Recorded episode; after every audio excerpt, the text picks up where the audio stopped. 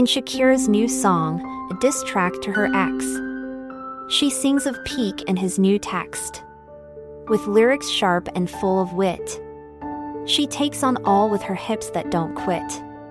With Bizarrap by her side, a producer so grand, they've made a hit that's taken over the land. With views in the millions, it's clear to see. This song's a success, and the world agrees. She sings of Piqué's new love and his poor choice, and takes jabs at the media with her powerful voice. She's worth two 22 year olds, she confidently states. And her ex should spend some time training his brain gates. With references to her mother in law, tax debt, and more. Shakira's not afraid to settle the score.